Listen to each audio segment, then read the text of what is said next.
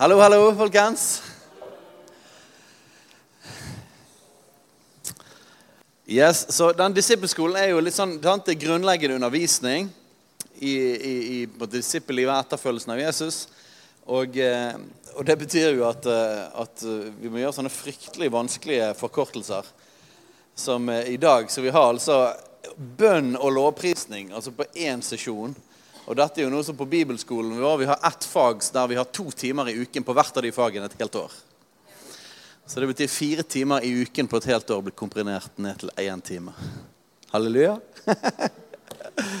Så det går ikke. Men det betyr at det blir, eh, det blir litt sånn eh, kjapt og enkelt og bredt og litt sånn intro. ok? Men det er bra. Det er bra å, å få frisket opp eh, både det som har med bønn og lovprisning å gjøre. Så vi bare kaster oss inn i det. Vi er altså inn i eh, et tema som vi kaller disippelliv. Eh, basert på dette her verset i Apostelens gjerninger 2,42. De holdt urokkelig fast ved apostlenes lære, ved samfunnet, ved brødsbrytelsen og ved bønnene. Altså disse fire tingene som de holdt urokkelig fast med, de første kristne. Um, så det er på en måte sånn her, de kristne grunndisiplinene så bønn er jo da bønn i liksom videste forstand er jo kommunikasjon med Gud. sant? Eh, det er, å, det er å være sammen med Han. Det er fellesskap med Gud. Og det er det å både synge til Han, det å snakke til Han, og det å høre fra Han. Så det er, jo, det er jo et kjempesvært område. Så det innebærer alt av lovsang og lovprisning og tilbedelse. Alle typer bønn og alt det som har med å lytte til han og høre fra han. Så det er et, et svært tema. Um, men det er sånn at uh, Gud, han er ånd. Og vi er skapt skal se litt mer på det litt, litt senere i dag. dette med at uh, Vi er skapt med en ånd, sjel og en kropp. Men altså, vi er skapt med en ånd. En, en bit av oss er ånd. Så vi er et åndsvesen. Eh, og Gud er ånd, sier Bibelen. Så det betyr at vi kan kommunisere med Gud direkte fra ånd til ånd. Så vi er altså vi er et fysisk vesen, men vi er òg et åndelig vesen. og Derfor kan vi kommunisere med Gud. Og det er helt naturlig for et menneske å be. Alle mennesker er det naturlig å be for. Eh, og det er fordi at vi er skapt i Guds bilde. Vi er skapt med evigheten er lagt ned i oss. Vi er skapt med en ånd. Alle mennesker er det. Og jeg tror det at alle mennesker ber. På en eller annen måte så ber alle menn. Til og med ateister ber. Kanskje ikke de innrømmer det, men det er klart det at eh, det finnes noen sitater på det. Eh, blant annet ble det sagt om, om den forferdelige krigen, eh, første verdenskrig, som var en sånn skyttergravskrig på vestfronten. Helt grusomme greier. Og da, da, ble det sagt at det finnes ingen ateister i skyttergraven. Til og med president Obama uansett hva du mener om amerikansk politikk, til og med president Obama hørte jeg si, for det var en han er eh, Bear Grills, vet du hva han er? Han er eh, naturfyren. Han, han har med masse sånne kjendiser ofte ute i villmarken. Og så på slutten så spør han alltid om han kan be for dem, for han er en troende. han Bear Grills. Og Han hadde med Obama en gang, og så, så ba han for Obama. Så sa han at ja, det er greit at jeg ber for deg, og liksom, jeg vet ikke hva du tenker liksom, det med Gud. og sånn. Og så, Da sa Obama det at, da siterte han omtrent det samme. sa det at det er ingen som går ut av Det hvite hus som ateist. Så, så, det er et eller annet med at når vi opplever press på livet, da erkjenner vi virkeligheten av at det fins en Gud. Sånn er det bare. Alle mennesker ber på en eller annen måte. Det sies òg at om, er, om, du er en sjømann og du, og du, plutselig detter av båten ute i havet, da roper du til Gud. Så dette er naturlig for oss å be. Så han har skapt oss sånn. Og eh, han har lovet å høre når vi ber. Så det er ikke bare tomme ord ut i luften. Men, eh, og han har til og med lovt at om vi ber etter hans vilje, så skal vi få det vi ber om. Så 1. Johannes 5, 14-15. Og dette er den frimodige tilliten vi har til ham, at dersom vi ber etter noe etter hans vilje, så hører han oss. Og dersom vi vet at han hører oss, hva vi enn ber om, da vet vi at vi har fått våre bønneemner oppfylt hos ham. Så ber vi etter hans vilje, så hører han oss, og om han hører oss, så får vi det vi ber om. Det er ganske heftige løfter til bønn i Bibelen. Så ikke bare lytter han til oss, men det vi ber, det berører faktisk hans hjerte. Det, det gjør at han vil handle. Så bønn er et kjempestort tema i Bibelen, og denne undervisningen er bare et kort oversikt av forskjellige typer bønn og lovprisning.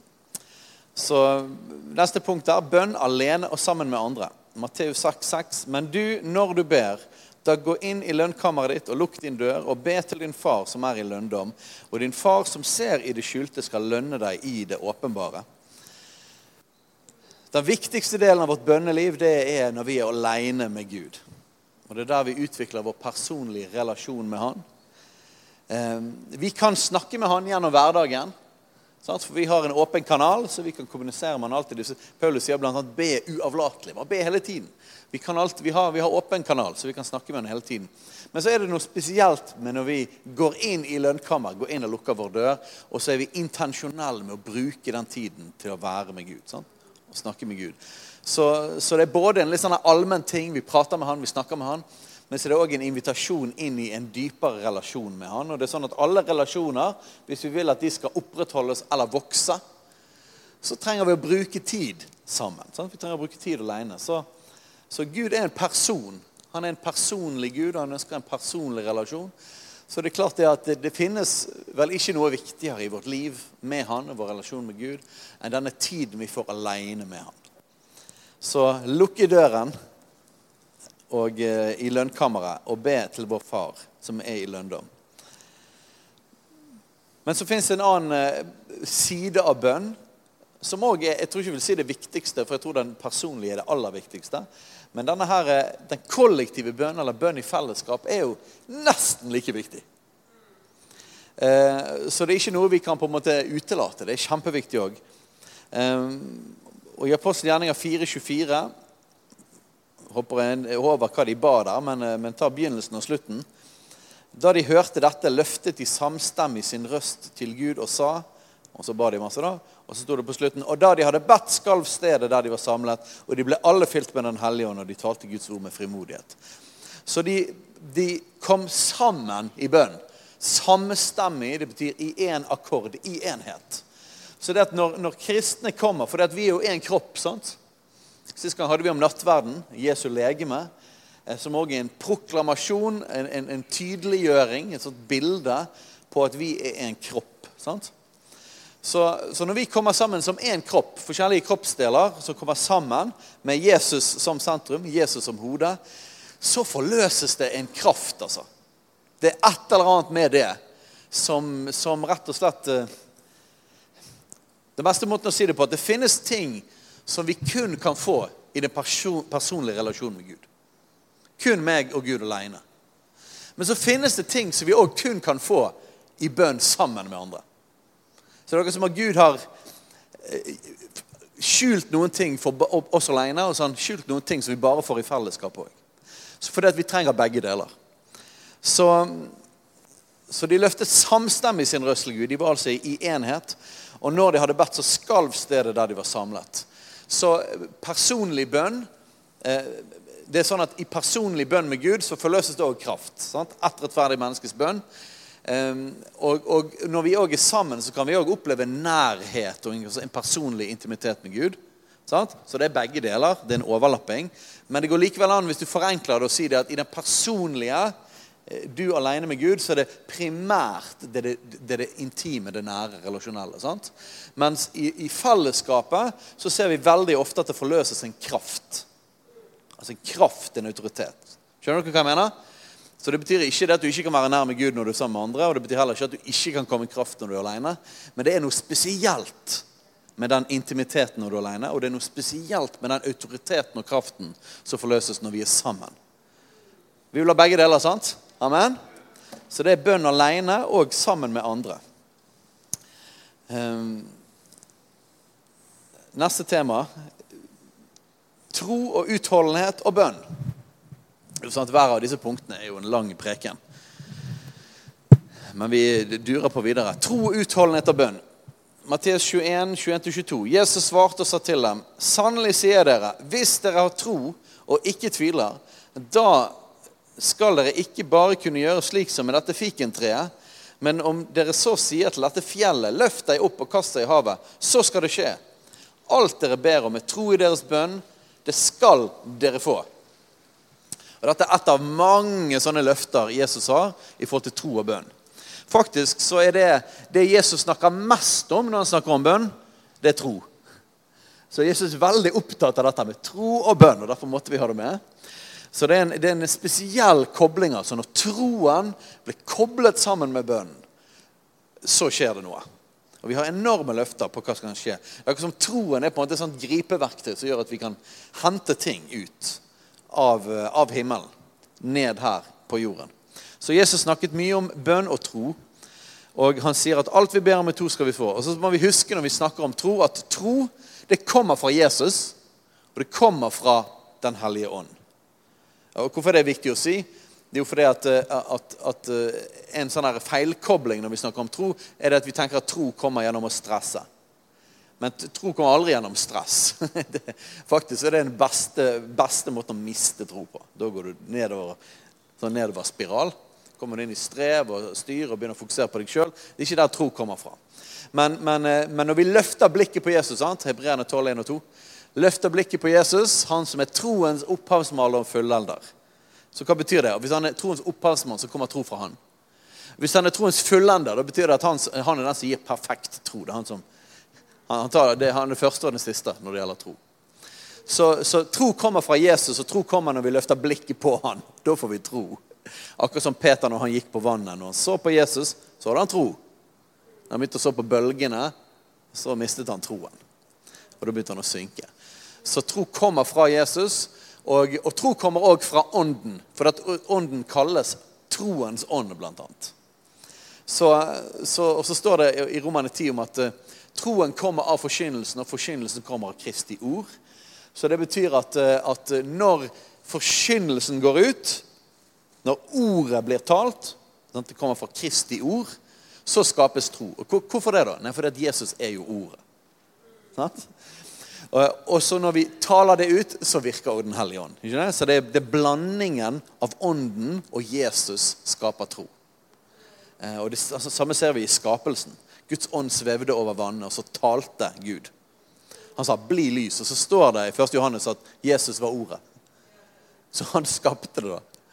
Så, så ordet og ånden skaper tro. Og det er oppmuntrende. Så hvis det er sånn at, eh, at vi ikke har tro, halleluja, da trenger du å løfte blikket på Jesus, så vil du bli fylt av tro. Da trenger du å lese ordet, så blir du fylt av tro. Du trenger å høre ordet forkynt, så blir du fylt av tro. Du trenger å bli fylt av Den hellige ånd. Han er troens ånd. Så kommer tro. Men det er et enormt løfte, en enorme løfter i forhold til tro og bønn. Og det her er jo bare mange bøker i seg sjøl. Eh, forkynnelse om det med tro og bønn. Men så finnes det en annen ting som Jesus òg snakket veldig mye om når det gjelder bønn. Og det er jo ikke Det er ingen motsetning til det om tro. Det heller henger faktisk veldig tett sammen med det. Eh, og ett av stedene han, han, eh, han, snakker om dette, det er i Lukas 18, 1-8. Han sa en lignelse til dem om at de alltid burde be og ikke bli trette. Så ikke bli trøtte, dvs. Si ha utholdenhet. Sant? Være utholdende i bønn. Det var en dommer i en by som, sa, som ikke fryktet Gud og ikke tok hensyn til noe menneske. Og det var en enke der i byen. Hun kom gang på gang til ham og sa, 'Hjelp meg til å få rett over motstanderen min.' Lenge ville han ikke, men til sist sa han til seg selv.: Om jeg verken frykter Gud eller tar hensyn til noe menneske, så vil jeg likevel hjelpe denne enken til å få rett, fordi hun bryr meg slik. Ellers kommer hun vel til slutt og slår meg. Og Herren sa, hør hva den urettferdige dommeren sier. Men skulle da ikke Gud hjelpe sine utvalgte til, til deres rett, de som roper til ham dag og natt? Sant? Ser dere her? Ikke be og ikke være trette, vil Si utholdenhet. Sant? Og så snakker, snakker han om hun her eh, enken som er pågående. Det vil si at hun er offensiv. hun er rett og slett masete. Og så sier han her at de som roper dag og natt Så roping, det er intenst. Sant? Og dag og natt det betyr at man ikke slutter. Så dette her handler om pågåenhet. Er han sen når det gjelder dem? Og jeg sier dere, han skal skynde seg til å hjelpe dem, så de får sin rett. Men når menneskesønnen kommer, må han da finne troen på jorden. Utholdenhet er veldig koblet på tro. For det at utholdenhet er basically å fortsette å tro selv om det ikke har skjedd ennå. Sant? Så, så, det du ber om er tro i din bønn, det skal du få. Hvis du ikke får det helt ennå, så må du putte på utholdenhet i tillegg der. Så tro over lang tid, det er det samme som utholdenhet.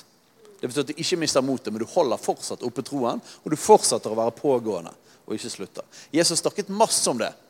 Og jeg har veldig lyst til å snakke om det nå, for det, er et veldig kjært tema for meg. Men banking og leiting og Ja, i det hele tatt.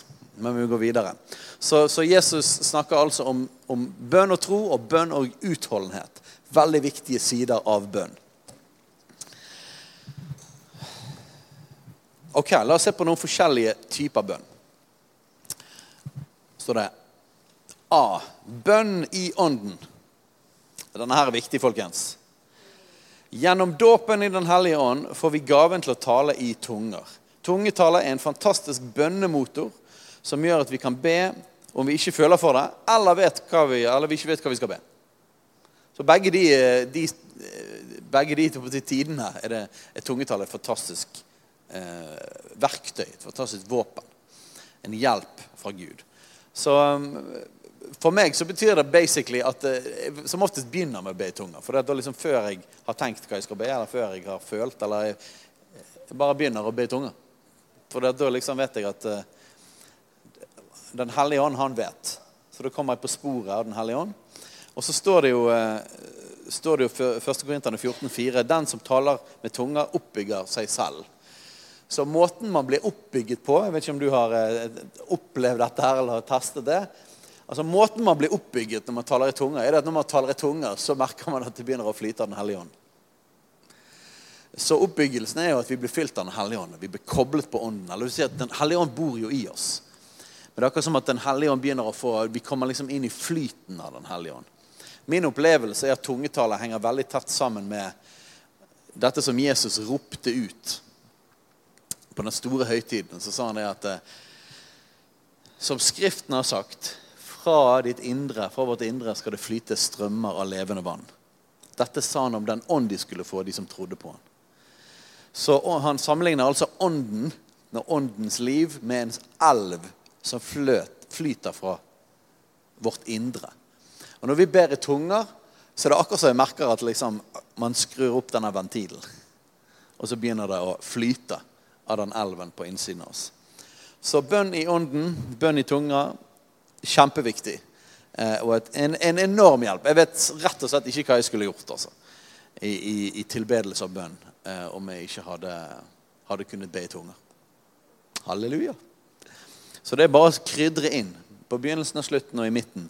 Og så er det ofte sånn Når du ber i tunga, så plutselig så, så, kommer det noe opp. Kommer noe opp i dine tanker, eller det kommer noe opp i, i, i dine følelser. Og da mener jeg positive ting fra Den hellige ånd. Eh, og da kan du gå på de, da. kan du gå på de tankene, Så ber du inn i det. Så gjør du det, det, det Den hellige ånd driver til. Og så er du litt sånn i, i Så ber du med forstanden, sånn, som første Paulus kaller de første korinterne. Eh, og så kan du gå tilbake igjen til å be i ånden. Så står det jo første kor 14-15 nå. Hvordan er det så? Jeg vil be i ånden, men jeg vil også be med forstanden. Er vi enige med det? Ja. Jeg vil lovsynge i ånden, men jeg vil også lovsynge med forstanden. Så bruk begge deler. Og begge deler er praktisk til hver sin ting. Vet, å be, be, eller å lovsynge i ånden har, liten, eh, har lite nytteverdi for de som er rundt deg. Sant? For de skjønner ikke det. Vi kommuniserer med Gud. Dette står det om i, i dette kapittelet. 1. Korinterne 14. Men, men, men det har stor nytte for deg personlig. Men hvis vi kun Noen mener det at det er ulovlig å be, be i tunger eller tungetaler mens andre hører på det. Det er en misforståelse av 1. Korinter 14. Men vi trenger å skjønne forskjellen i hva verktøy vi bruker. For det at for eksempel, nå når jeg står og underviser, så er det veldig bra at jeg underviser med forstanden. Er dere med på det? For Hvis jeg kun hadde undervist i ånden, så kunne nok du eh, Paulus sier det, at du ber nok en fin takkebønn men jeg kan ikke si amen til din takkebønn. Jeg får, ikke, får ikke, jeg får ikke vært med på det. Det blir deg og Gud. Men nå når vi gjør noe i fellesskap, for undervisning av ordet er jo en fellesskapsting sant? Eh, da hadde det ikke vært like nyttig om jeg bare Med mindre det blir tydet. sant? Så poenget der i 1. Korinterne 14 er å skjønne at det har to forskjellige funksjoner. Tunger har én funksjon, å be eller lovsynge med Ånden har én funksjon. Eh, så når vi ber f.eks. i et bønnemøte sammen, eh, så kan vi be i Ånden sammen òg. Men det handler mer om å liksom bare komme i flowen. Bare koble oss på Den hellige ånd. sant? Men etter hvert så er det bra at vi begynner å be med forstanden. fordi at da blir ikke det bare liksom masse lyder opp til himmelen, men da blir det at vi ber sammen. Og, kan, og du, du, har jo opplevd dette, regner med, at du ber sammen med noen, og så er det noen som ber, får noe på hjertet. bare, ja Gud, vi ber om at uh, vi ber for uh, de hjemløse i Bergen. Og så du, Når de sier det, og de ber det Du hadde ikke tenkt på det i det hele tatt. Sant? Så når de ber for det, så bare merker du bare, oh, ja, det var Guds hjerte. Yes, amen! Ja, Gud! Og så ber man mer for det. Så er det flere som henger seg på. Og så er det kollektiv bønn. Så er vi i én akkord når vi ber. Sant? Så, så trenger vi å bruke bønn i ånden på rett sted. da. Eh, og bruke bønn med forstanden på rett sted. Ok, B. Bønn og stillhet. En viktig side av bønnen er å være stille sammen med Gud. Vi kan ha fellesskap med Gud uten å bruke ord, hjerte til hjerte. Å være stille i Guds nærvær er en god måte å lytte til det han sier. Og På litt sånn der eh, moderne karismatisk så pleier vi å kalle dette for soaking. Men det er ikke noe som ble funnet opp liksom, i Toronto for, eh, for 15 år siden. Det er Stillhet og bønn er en ting som har fulgt kristne i alle tider. Um, og, og, eh, det er noe som på en måte har kommet litt inn igjen òg i liksom pinsekarismatiske settinger. Og det er bra. Så vi trenger denne vekslingen med de forskjellige modusene i bønn. Og stillhet er en viktig ting. Uh, I stillhet så er det noe med å bare være. Bare være i Guds nærvær. Bare koble med hans hjerte. Det er litt som noen ganger iallfall en av de beste bildene når det gjelder livet med Gud og relasjonen til Gud, det er jo å tenke familie. At han er en far, og vi er barn. Og, for meg blir det sånn Det er jo litt forskjell på barna mine hvor glade de er å klemme lenge. Men Naomi, vår midterste, hun er veldig glad i å klemme lenge. Og jeg liker òg å klemme lenge. Så hver eneste dag på et eller annet tidspunkt da kommer Naomi, og så kommer han, og så bare holder hun rundt meg lenge. Og så bare står vi der. Det er soaking. Sant? Det er bare å være. Jeg trenger ikke å si så mye, men det er, det er fellesskap. Det er relasjon. Og det er òg en del av dette med bønn. Og så er det klart at stillhet er òg veldig bra i forhold til å lytte. Stillhet er bra for å høre hva som er på hans hjerte. Og det er bra å lære dette med stillhet for at, vi, for at vår sjel skal komme til ro. Og at vi ikke bare fokuserer på bønneemner og ting, og ting og ting, men at vår sjel kan komme til ro og bare være med Han. Så bønn og stillhet er viktig. Og så Maria vet du, hun var jo den beste på dette. her. Lukas 10, 39. Hun hadde en søster som het Maria. Hun, hun satte seg ved Jesu føtter og lyttet til hans ord. Ser dere det moduset til Maria? Hun bare liksom beundrer Jesus og bare hører på han og bare er der sammen med han. Så det andre Mosebok 14, 14. Herren skal stride for dere, og dere skal være stille. Det er, noe, det er noe med det med å bare hvile i hans nærvær, i stillhet, og så skal han stride for oss. Yes, Svært tema bare det òg, men vi hopper videre. Se, be Guds ord. Når vi ber bønner fra Bibelen, vet vi at vi ber om Guds vilje. Be ordene i Bibelen, men ikke bare les raskt gjennom. Mediter på dem, be inn i dem, og bruk dem som tema.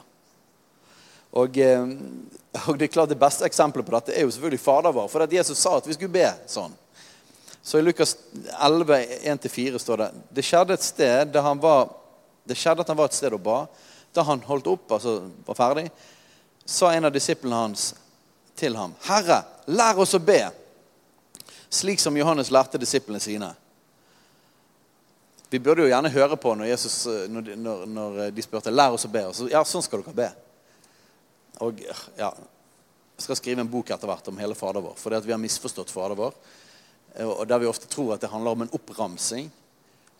Men jeg tror det at Fader vår er en, en guide til forskjellige ekstremt viktige temaer å gå inn i bønn i. Men vi har ofte gjort det til en sånn oppramsing. Når jeg var liten, så, eh, så jeg, når vi la oss, så skulle vi be der, og det var minst sånn to gjesp sånn midt inne i Fader vår. der. Og det var liksom en oppramsing. Men jeg er jo glad for at jeg fikk Guds ord inn. Men jeg er òg veldig glad for at jeg etter hvert skjønte det at Fader vår, det går an å bruke Fader vår som en guide i bønn. Ikke bare ramse det opp. Um, og det samme tenker jeg i forhold til alle disse her tingene som Mike Bickle i, i, i uh, IHOP i Kansas han kaller det 'apostolic prayers'. Eh, altså Bønnene som, som, eh, de forskjellige apostlene ber, som står i de forskjellige brevene òg. Under her så er det noen eksempler. Efeserne 3, 16-19, Efeserne 1, 17 ja, fire forskjellige under der. Eh, så jeg vil anbefale bare be Guds ord. Be inn i Guds ord. Jeg elsker å be òg Salme 23. Så ikke bare rams opp, men be inn i det. Vær inn i det. Eh, mediter på det. Eh, det er en fantastisk måte å be på. Og, og jeg tror det er en måte som vi pinsekarismatikere òg kan ha masse hjelp av. Vi er mest vant med den her be spontant og be i tunger-biten. Eh, men både det med stillhet og be Guds ord er sånne utrolig gode redskaper i bønn. Ok, vi må rase videre.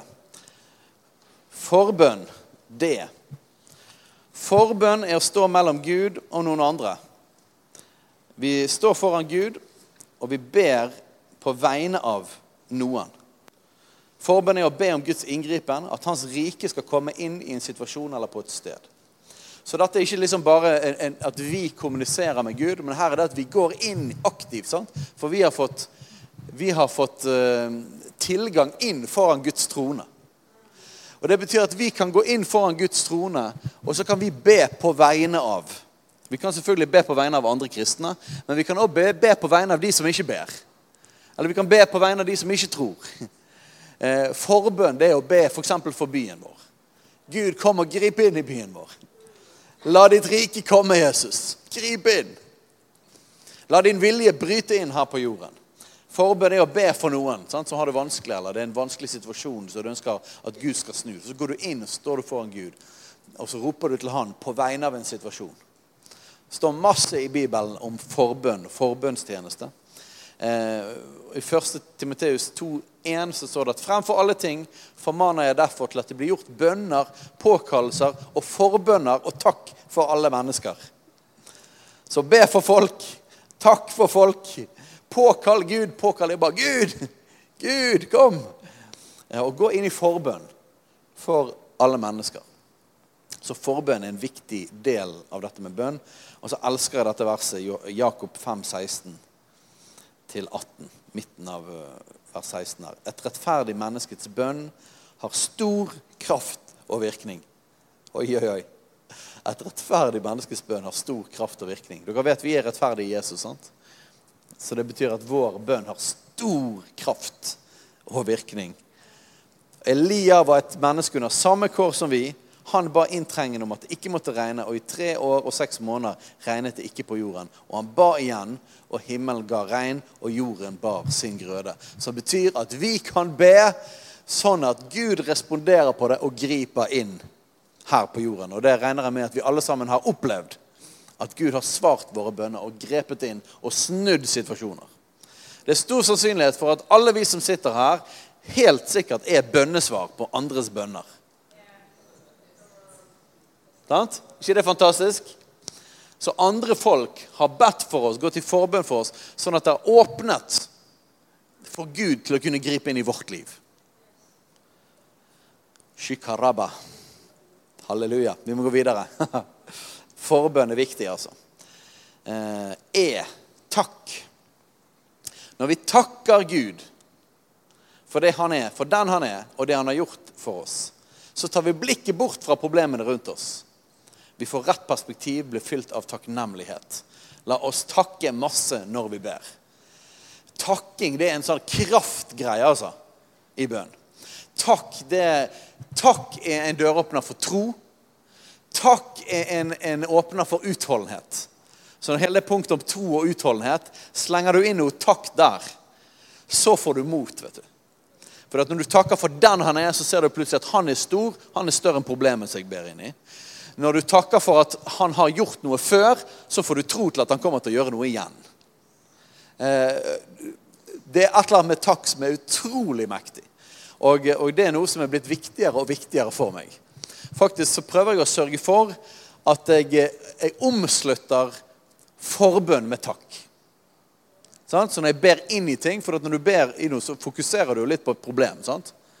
Og at Gud skal gripe inn i det problemet. Men jeg sørger for å krydre det masse med takk og takknemlighet. Takk til Gud.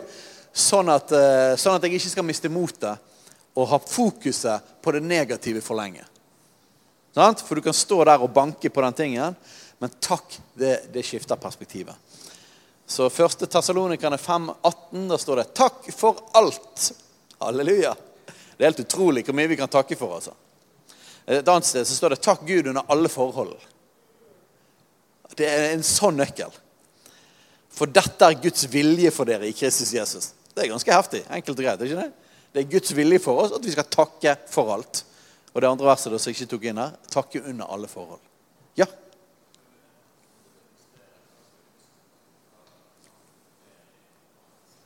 Ja, det kan jeg godt gjøre. Vi kommer på et eller annet seriøst. da. Ok, La oss ta noe skikkelig ille som jeg har bare sukket til Gud for de siste dagene. Dette er grusomme jordskjelvet som skjedde, der kanskje 20 000 mennesker har dødd. som er litt sånn der, Det er heftig, sant? Og jeg, jeg må altså passe på å beskytte meg litt for det, for jeg begynner å tenke på barn som ligger under der. Og, altså, skjønner du hva jeg mener? Det er ganske ille. Men jeg tror det er bra å be. Jeg, bare sånn, jeg kan ikke gjøre noe annet, men, men jeg, ok, når jeg tenker på det, så kan jeg iallfall be. Men, men jeg, jeg, for å ikke bli overveldet av det negative, så kan man krydre det med takk. Så jeg kan jo demonstrere det. Takk, Gud. Ok, nå har jeg det i tankene. sant? Massevis av mennesker som gjør tragedie, og det foregår fortsatt. Og midt i det så velger jeg bare sånn Takk, Gud, for at du er stor. Takk at du er god uansett. Takk at du har kontroll. Takk at du er nærværende der akkurat nå. Fokuser på det han er, på det han har gjort. Så jeg takker deg, Gud. Takker deg for ditt nærvær. Takker deg for at du har kontroll. Takker deg for at dine engler er der. Takk for at uansett hva som skjer, og at jeg ikke forstår det, så er du alltid god, du er alltid kjærlig. Du er den du er. Takk, Gud. Og så kan du be litt. Jesus, grip inn nå. La mennesker redde livet. Gi kraft til de som leter etter folk nå. Jeg ber at, folk skal, at, du skal vekke folk opp fra de døde. Jeg ber at folk skal bli helbredet som er skadet. Jeg ber at de skal finne folk. Jeg ber at du skal gi engler skal gripe inn der og, og redde folk ut. Og jeg ber at du skal komme med trøst til de som har mistet familien sin. Men jeg takker deg, Gud, for at du alltid har kontroll. At du er full av godhet, for at du er full av kjærlighet. Ja, det var, det var ett eksempel. Men det handler om perspektiv. sant? For at vi kan i forbønn så kan vi grave oss ned i det vanskelige. Eh, og, og det, vi har ikke lyst til å gå der. For vi ber jo for at Gud skal gripe inn. Men hvis vi ber oss inn i depresjon, så, så hjelper ikke det verken oss eller de vi ber for. Halleluja. Så vi trenger å ankre vår bønn i den Gud er, og det han har gjort. Sant? Og vi kan alltid takke. Takk, Jesus, for at du døde på korset for våre synder. Takk for at du sto opp igjen. Takk for at du seiret over djevelen. Takk for at uansett hva som skjer på denne jorden, så er dette midlertidig. Du har seiret over døden og djevelen. Ja. Halleluja. Og dette er en god bro inn i neste tema her, som er lovprisning og tilbedelse. Takk henger tett sammen med det. Eh, å lovprise, ære og opphøye Dette er jo litt sånn synonymord. da. Det å si gode ting om eller til Gud. Sant? Eh, for det går jo an å lovprise folk òg, og det er ikke galt. Eh, og Her er det greit å vite at lovprisning og tilbedelse henger tett sammen. Men det er ikke helt nøyaktig det samme. For du kan lovprise mennesker, men du kan ikke tilbe dem. Ok? Så, og lovprise betyr at du løfter dem opp, og du takker dem. Eh, og det kan vi òg gjøre med mennesker, til en viss grad. Sånn, sånn bitte litt pris kan man gi mennesker. Men den virkelig all pris tilhører Jesus og Gud. Så lovprisning er å løfte opp. Så det er sånn Du er fantastisk. Du er stor. Du er mektig. Du er verdig. Det er lovprisning. Eh, tilbedelse og tilbe, det er å bøye seg for Gud. Eh, å ydmyke seg, falle ned for, knele eller legge seg flat. Så lovprisning er å løfte opp, tilbedelse er å bøye seg og legge seg ned. Og det handler jo mye det samme, men, men den er mer fokus på at jeg legger meg lavt. Fordi at du er stor. Um, og det greske ordet for, for, tilbedelse, proskineo, det ble brukt om å bøye seg ned for en konge og kysse hans føtter. Eller å legge seg flat på sitt ansikt og kysse hans føtter. Så du ser for deg en trone. Sant? Det betyr på en måte at jeg underkaster meg deg. Sant? Eh, jeg bøyer meg for deg, underkaster meg for deg. Du er kongen. Du er Herren. Eh, så tilbedelse og lovprisning henger tett sammen, men tilbedelse er noe som går litt Det er litt mer alvorlig og litt dypere. da. Tilbedelse er òg veldig tett koblet på omvendelse. Så på mange måter kan vi si det at når vi tilber Gud, så er det at vi kontinuerlig fornyer vår omvendelse eller vår bestemmelse at jeg vil, jeg vil bøye meg for deg og jeg vil følge deg. Mens omvendelse første gangen, kan du si, det er når vi? Det er når vi første gangen sier jeg, jeg, vil, jeg, vil, følge deg, Jesus. Jeg bøyer meg for deg. Du er herre i mitt liv. Sant? Så Men tilbedelse er en slags kontinuerlig kan du si, omvendelse. Um, og det holder hjertet vårt ydmykt. Og en av mine andre favorittvers er at Gud står de stolte imot, men de ydmyke gir han nåde. Uh, så dette her handler om denne ydmykheten i hjertet. Bare, oh, jeg bøyer meg for deg, Gud. Og jeg vil ha nåde. Jeg vil ikke være stolt. Jeg har lyst til å bøye meg for han. Og det, Den største friheten som fins i universet, det er å bøye seg for Gud. Men det motsatte av tilbedelse, det motsatte av omvendelse og ydmykhet, det er opprør, og det er det Lucifer gjorde. Jeg vil reise meg opp. Jeg vil bli som Gud. Men de Gud står de stolte imot, så han blir kastet ned. så, men så står det at de som ydmyker seg for han, de vil han løfte opp. Så tilbedelse handler om dette her hjertet, denne livsstilen av det. Eh, og i, i lovsang eh, og tilbedelse i lovsang så, så, får vi liksom en trening på det. da. En stadig fornyelse av dette at vi holder vårt hjerte ydmykt for Gud. Og at vi tilhører Han. Er ikke det herlig? Jeg, jeg tror jeg gjør det flere ganger om dagen. Og Spesielt når det kommer vanskelige ting, eller jeg ikke vet hva, hva jeg skal gjøre, eller hva som helst. Eller ganger der ting går veldig bra, og du får masse favør. Begge de situasjonene så er det bare jeg bare kjenner at Gud, jeg bøyer meg for deg. Jeg bare sånn her Jeg legger meg flat. Jeg vil, ha, jeg, vil, jeg vil, være lagt flat i mitt hjerte. Ehm, det er et veldig trygt sted å være. Det er et sted av frihet. Så lovprise, ære, opphøyer det å løfte han opp eller si gode ting om han og hvem han er tilbedelse er å bøye seg ned for han, legge seg flat for han. Lovprisning det er en side av bønn, men samtidig så er det så sentralt og viktig at det er naturlig å ta det som et eget punkt. Vi forbinder lovprisning og tilbedelse med å synge lovsanger. sant? Eh, men husk at du kan lovprise uten å synge, og du kan be gjennom sang. Så, så, så la oss ikke hovedsakelig fokusere på Hvordan skal vi si dette, da? Formen av det. Men at dette er forskjellig, at takk er én ting. sant? Bøye seg for han er en ting. Gå i forbønn er en ting. Eh, være i stillhet er en ting. Altså Det fins forskjellige sider av dette med hele sverdet til landskapet av bønn og tilbedelse. Og, og, eh, og, la oss på en måte bli, la oss lære å kjenne alle disse forskjellige sidene. Eh, og det er en enorm rikdom i alle disse tingene. Eh, så det går an å synge bønnesanger. Veldig ofte så har vi bønnesanger der vi ber Gud om noe. Vi til og går i forbønn. Eh, og det går òg an at vi krydrer når vi, når vi ber. Så putter vi inn lovprisning inn i vår bønn. Gjør ikke vi det? Så vi priser deg og ærer deg, Jesus. Det var lovprisning uten tone. Um, så la oss ikke bare ta helt likhetstegn mellom syngingen og snakkingen. Det er bønn og tilbedelse. sant? Men det handler om litt sånn, hva er, hva er, det, vi, hva er det vi holder på med? Hvordan er det vi kommuniserer med Gud? Men det er klart det at sangen og musikken er jo likevel utrolig koblet til denne lovprisningen. Og Det ser vi òg i Bibelen. At det er, det er en enorm sånn her rikdom av, av, av, instrumenter og lyder koblet til lovprisningen av Gud. Og klart De, de heftigste stedene der det står mest om lovsang, tilbedelse, takk, eh, det er Salmenes bok og så er det Johannes' åpenbaring. De to stedene. David han er jo kanskje den beste til å vise oss på en måte litt sånn menneskelig lovprisning med ånd, sjel og kropp. Mens i Johannes' åpenbaring ser vi den himmelske lovsangen og tilbedelsen. Ok, La oss se litt på det etter hvert. Men, men eh, Vi må skynde oss. Ok. Efesene 5,2. Vandre i kjærlighet, like som også Kristus elsket oss og ga seg selv for oss som en gave og et offer, en vellukt for Gud. Ser dere det at vi ble utfordret til å vandre i kjærlighet, sånn som Jesus.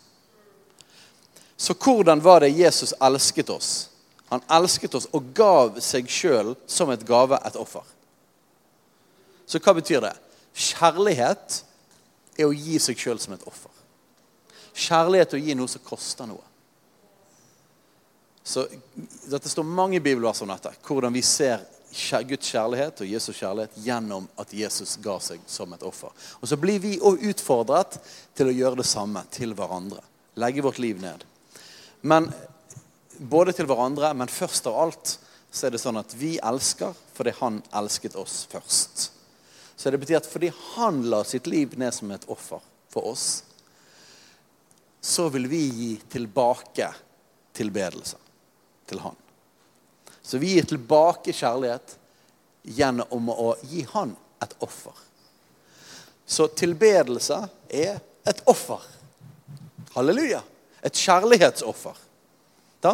Drivkraften er at vi ønsker å gi noe tilbake til han, og derfor gir vi noe som koster oss noe.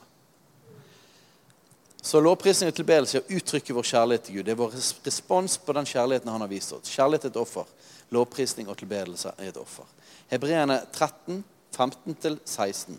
La oss derfor ved ham alltid bære fram lovprisningsoffer til Gud. Når var det vi skulle gjøre det? Alltid. Alltid bære fram lovprisningsoffer til Gud. Det er frukt av lepper som priser hans navn. Det står veldig klart og tydelig. ikke det? Dette er ikke en eller annen suspekt teologi. Lovprisning til han Frukt av lepper. Det er til og med disse her. Leppene. Lovprisning gjennom våre lepper, det er et offer til han. Det er altså et kjærlighetsoffer til han. Han ønsker det. Og står det et par vers til. Salme 50, vers 14. Gi Gud takk som offer, og gi den høyeste det du har lovt. Og Salme 116, 17. Jeg vil bære fram takkoffer til deg og påkalle Herrens navn. 1. Peter 2,5.: Og bli også selv oppbygd som levende steiner til et åndelig hus, til et hellig presteskap, til å bære fram åndelige offer, slike som er Gud til behag ved Jesus Kristus. Så dette handler selvfølgelig om hele livet vårt. Det handler om å ære Han med alt vi er, gjennom hele vårt liv, gjennom etterfølgelse av Han. Men det handler òg om helt sånn konkret lovprisningsoffer gjennom våre lepper. Og Da kommer vi til en spennende ting her. Å tilbe med ånd og sjel og kropp. Og dette er litt sånn her, Hvordan kan vi gi dette her lovprisningsofferet? Gud skapte oss med ånd, sjel og kropp, og hans lengsel er at vi skal elske han og tilbe han med hele oss. Ok, hør på dette her. Tilbe han fra det innerste i meg. Er vi med på det? Det innerste i meg. Det betyr mitt hjerte, min ånd. Jeg har ikke tid til å gå inn i det nå, men hjertet i Bibelen er ånd. Ok? Så det dypeste i oss er ikke følelsene våre. Det dypeste i oss er vår ånd. Akkurat den er veldig viktig, men vi har ikke tid til å snakke om det mer. ok? Men bare vit det. Det dypeste i meg, det er min ånd, det er mitt hjerte. Så jeg vil tilbe ham fra det innerste i meg. Mitt hjerte, min ånd. Men jeg vil òg tilbe han med mine tanker. Er vi med på det? Tankene mine. Mine følelser og min vilje. Og det er, det er basically det vi kan kalle min sjel. Det er ikke det dypeste i oss, det er vår ånd. Men min sjel, det er tanker, vilje, følelser. Jeg vil tilbe han med min sjel. Amen? Og så vil jeg tilbe han med all min kraft og min stemme, mine armer og bein. Og det er min kropp. Så hva betyr det? Og når vi gir lovprisningsoffer tilbake til han, når vi elsker han tilbake fordi han elsket oss først, så betyr det å tilbe han med hele oss. Halleluja! Og Denne her er litt viktig her i Kalle Nord. vet dere. I 1. Tessalonika 5, 23, der står det Gud hellige dere helt igjennom. Må deres ånd, sjel og legeme bevares fullkomne og ulastelige ved vår Herre Jesu Kristi komme. Det er bare for å si det at Bibelen sier det at vi har ånd, sjel og legeme. ok? Og så står det i Lukas 10, 27. Han svarte og sa, du skal elske Herren din Gud av hele ditt hjerte, av hele din sjel og av all din kraft og av all din forstand og, og de neste som deg selv. 5. Mosebok 6 og Markus 12,30 eh, der, der står det 'makt' istedenfor kraft. akkurat samme verset. Så hva betyr dette? Det betyr 'tilbe Han med hele oss'. Sant? Det er en måte å bare si det. Med alt vi er og alt vi har, la oss tilbe Han. Og det inkluderer all vår kraft, all vår energi. Det betyr, det inkluderer kroppen vår. Og det så vi jo i sted. Bære våre legemer fram som et hellig offer. Sant? Kroppen vår òg. Frukt av lepper som priser hans navn. Det er kroppen vår. Første, Lukas 1, 4-6, da står det Og Maria sa, Min sjel opphøyer Herren, og min ånd fryder seg i Gud. Så da har du tilbedelse med ånd og sjel. sant? Johannes 4, 24 står det Gud er ånd, og de som tilber han må tilbe i ånd og sannhet. Salme 103, vers 1. Min sjel lov Herren. Altså i meg er lovens hellige navn. Andre kongebok 23-25. Aldri før hadde det vært noen konge som han. Noen som hadde, slik hadde omvendt seg til Herren av hele sitt hjerte og av hele sin sjel og av all sin styrke. Ser dere det er et mønster her? Av ånd, sjel og kropp. Det innerste i oss, eh, vår sjel og vår kropp. Alt som er i oss, det står det i Romerne 12, 1-2. Jeg formaner dere altså, brødre, ved Guds miskunn, at dere fremstiller deres legemer som et levende og hellig offer til Guds behag. Dette er deres åndelige gudstjeneste. Og Skikk dere ikke lik denne verden, men bli forvandlet ved at deres sinn fornyes, så dere kan dømme om hva som er Guds vilje. Det gode og det som har, han har behag i, det fullkomne. Så ser vi her at, at uh, tilbedelse med alt vi er, fra innerst til ytterst. Ok går vi snart eh, inn for landing. Skal ta den siste biten her, som er koblet med dette. Det er veldig mange rett og slett kroppsspråk i bønn og lovprisning. Det er veldig mange skriftsteder som beskriver kroppsspråk i tilbedelse og bønn. Vi nordmenn trenger å lære å tilbe med både ånd, sjel og spesielt kropp. Ok? Fordi at vi nordmenn liker best å rope på innsiden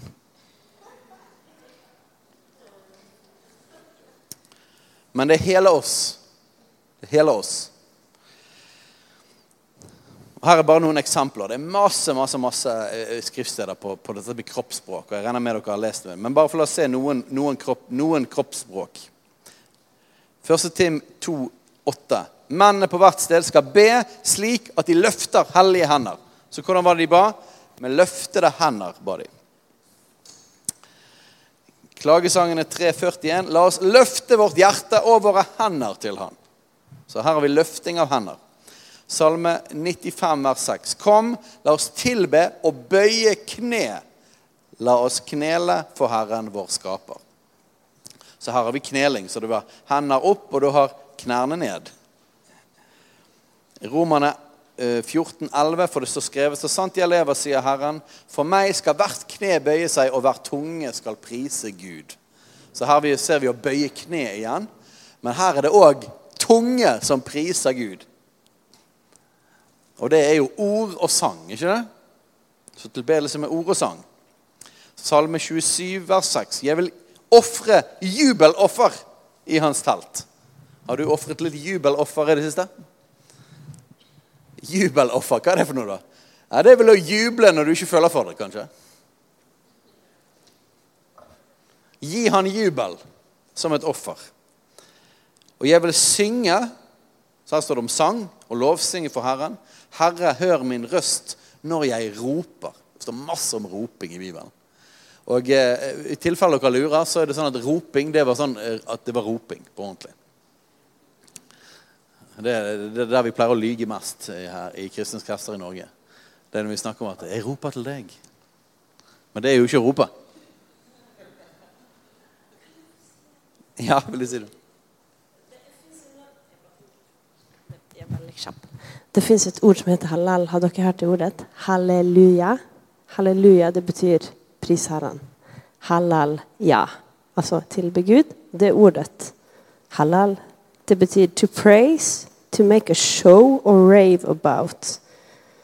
To glory in and boast about. To clamor, clamorously. Det betyr veldig sånn Det betyr egentlig 'to make yourself foolish' og 'to make a show'. Det er litt sånn her. Det betyr det ordet. Ja. Og, fakt ja, ja. Og faktisk er det sånn at det, det er mange hebraiske ord for dette som vi, som vi oversatte tilbedelse, lovprisning, takk osv. Og, og alle de har en helt spesifikk betydning av hva det vil si eh, ja, fysisk, i kroppsspråk. Så, så, det er en enorm rikdom av dette, og Bibelen er full av det. Kroppsspråk i tilbedelse av Gud. Eh, og et vers til her, Salme 28, 2. Hør mine inderlige bønner, som de inderlige bønners røst, når jeg roper til deg, og når jeg løfter mine hender mot det aller helligste i ditt tempel. Og Det er masse masse, masse andre skriftsteder. Det kunne ikke de med, men det, det står om å eh, legge seg flat på sitt ansikt Eh, det står om å bre ut sine hender. Det er denne mellomtingen. Det er denne der. Det der er den løftingen av hender. Eh, ja, kneling står det masse om. Eh, og det står òg om lister av instrumenter. Sant? Man lovpriser Gud med alle mulige slags forskjellige instrumenter. Og det står om dansing. Husker dere historien om David som danset foran Herrens pakts ark? Og han danset sånn at folk ble flau av han. Og eh, danset med lite klær. Og han ville gjøre seg, han ville ydmyke seg for folk og ydmyke seg for Gud.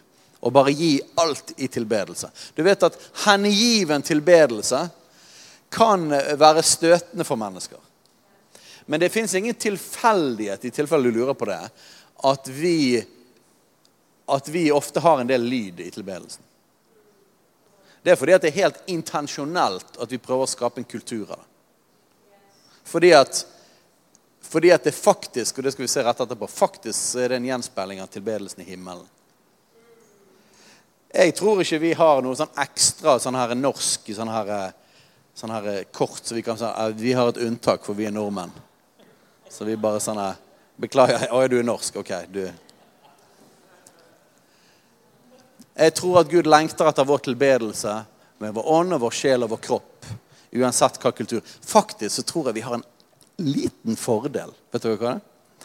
Det er sånn at De tingene som er utfordrende i en kultur, det virker det som at hvis du gjør det motsatt av det, til ære for Gud, så har det en enorm sprengkraft. Halleluja. Så nordmenn som danser woo! Det er kraftige saker. Nordmenn som er hengivne til Gud i tilbedelse. Det er kraftige saker. Er ikke det det? Halleluja. Så la oss være høylytte. Ja da, det er òg tid for stillhet. Absolutt.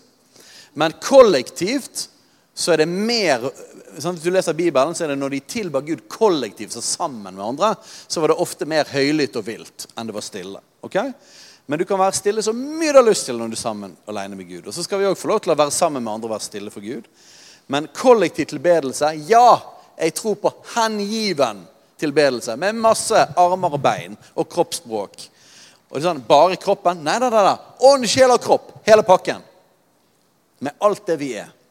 Og faktisk, Nå har ikke vi tid til å gå langt inn i det, men jeg tror det er sånn at du trenger ikke å vente på at du føler for. For det, at det står ingen plasser i Bibelen eh, eh, tilbe Gud når du føler for det. Det står 'Min sjel, lov Herren'. Det er en kommando. Og hvis jeg kan tilbe Gud med kroppen min, så betyr det at jeg kan tilbe Gud med kroppen min og det er tilbedelse. Uansett om jeg føler for det eller ikke. Det handler om en livsstil. Det handler om et valg. Jeg bøyer meg for Gud. Jeg hengir meg til Gud. Det er et valg. Jeg venter ikke på om jeg liker refrenget.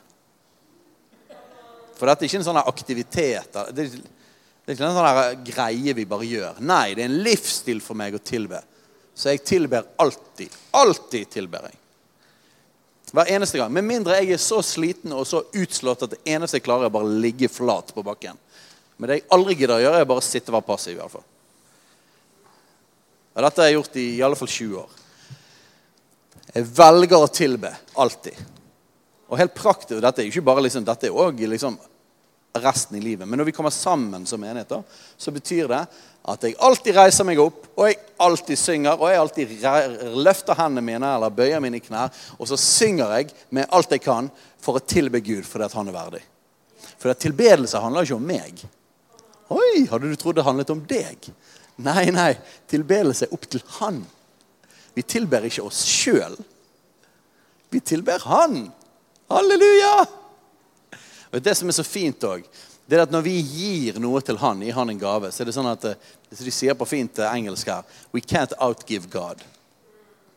Så det er veldig vanskelig på en måte å gi Han mer ære enn han bare fyrer på tilbake igjen med sin velsignelse. Så eh, har du lyst til å få det bedre og bli mer koblet på Gud, ikke vent til at du blir det. Begynn å tilbe Han og løft blikket på Han og fokuser på Han. Så kanskje etter hvert at følelsene henger seg på etter hvert. Men det er ikke det relevante heller, om følelsene dine henger seg på. For du kan tilbe med din, din, din, eh, din vilje, du kan tilbe med kroppen din, du kan tilbe med, med det innerste av deg, som er din ånd. Du kan tilbe med tankene dine. Du kan tilbe med omtrent alt du er, utenom følelsene. Og det gjør ikke noe at følelsene ikke er med. Du tilber med nesten alt sammen. Da. Det er sånn 95 av deg tilber.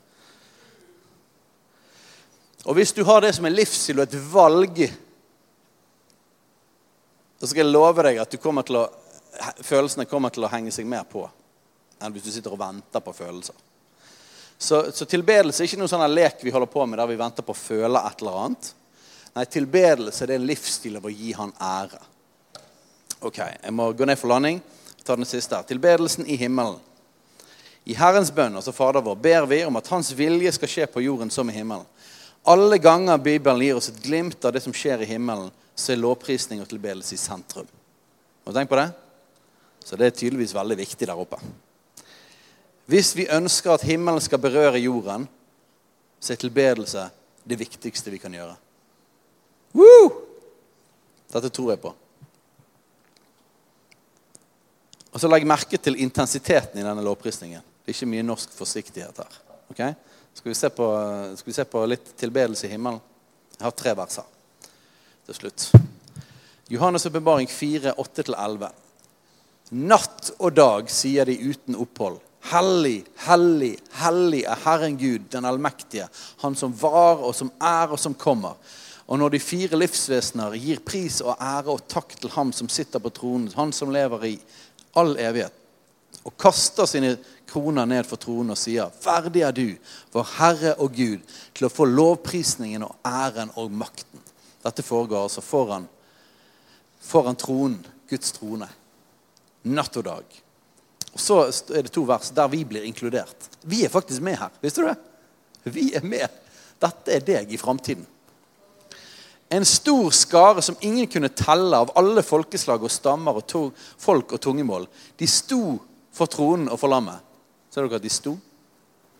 Det går an å sitte og tilbe Gud, altså. Det er mulig. Jeg sitter masse og tilber Gud.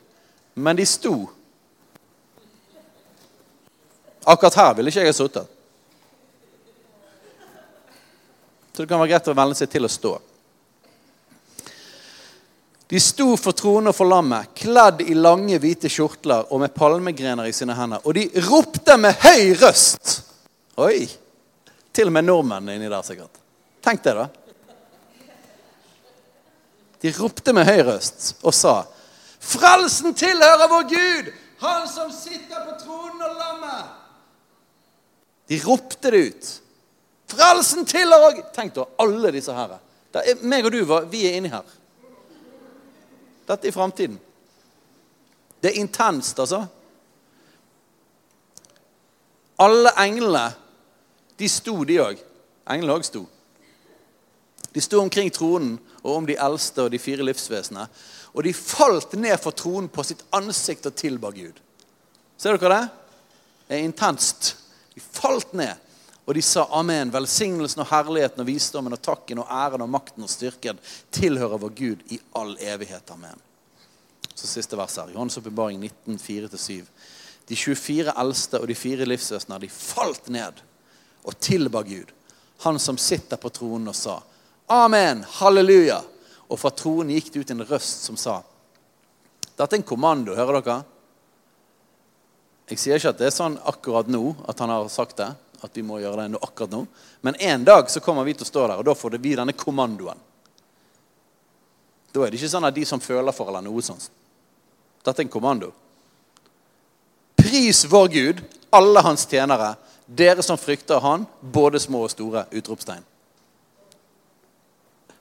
Pris han. Punktum. Nei, ikke punktum. Ja. Utropstegn. Skjønner dere poenget mitt? Vi gjør dette til en sånn her Vi gjør dette til en sånn her kulturell, frivillig greie, som en stilting. Nei, nei, nei. Dette er mye dypere enn kultur og stil. Her kommer ikke til å være sånn Å ja, der er de karismatikerne. Nei, nei.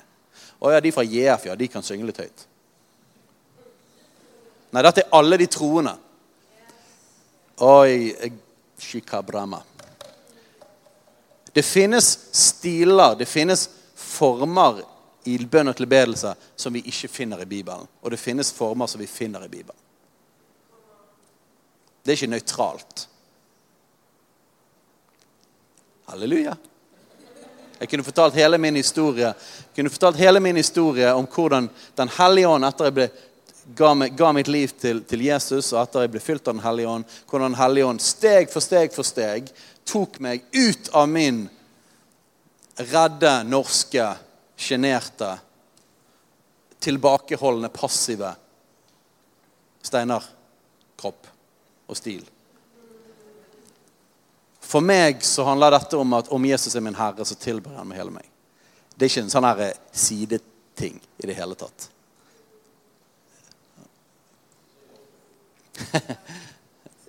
Skjønner dere poenget? Det er et alvor i dette. Og jeg hørte like som en stor skare Og her er vi inni her. Som en lyd av mange vann. Som en lyd av sterke tordendrønn. Det er ikke mye norsk, altså. Som sa Halleluja! For Gud, Herren den allmektige, regjerer som konge. La oss glede oss og fryde oss og gi ham æren. Voldsom og ekspressiv tilbedelse er faktisk tilbedelsen vi leser om foran tronen og i framtiden, når vi alle sammen skal stå foran hans trone. Jeg har en mistanke om at det ærer Gud at vi faktisk legger oss på en stil som ligner på himmelen. For dette er mer enn en stil. Det handler om å gi alt til han. Det handler ikke bare om en kultur. eller En, nei, det handler om gi absolutt alt til han, ånd, sjel og kropp. Så bruk munnen din, og syng med munnen din. Bruk kroppen din. Stå foran han. Bruk kroppen. Det er ikke ulovlig å sitte. Det er ikke poenget mitt her. sant? Men det er noe mer enn stil. Og vår hengivenhet og vår aktive tilbedelse har noe å si. Og ikke tilbe bare med kroppen din. Tilbe med hele deg. Med alt det du er. Med ånd og med sjel og med kropp. Halleluja! Ok, skal vi reise oss opp?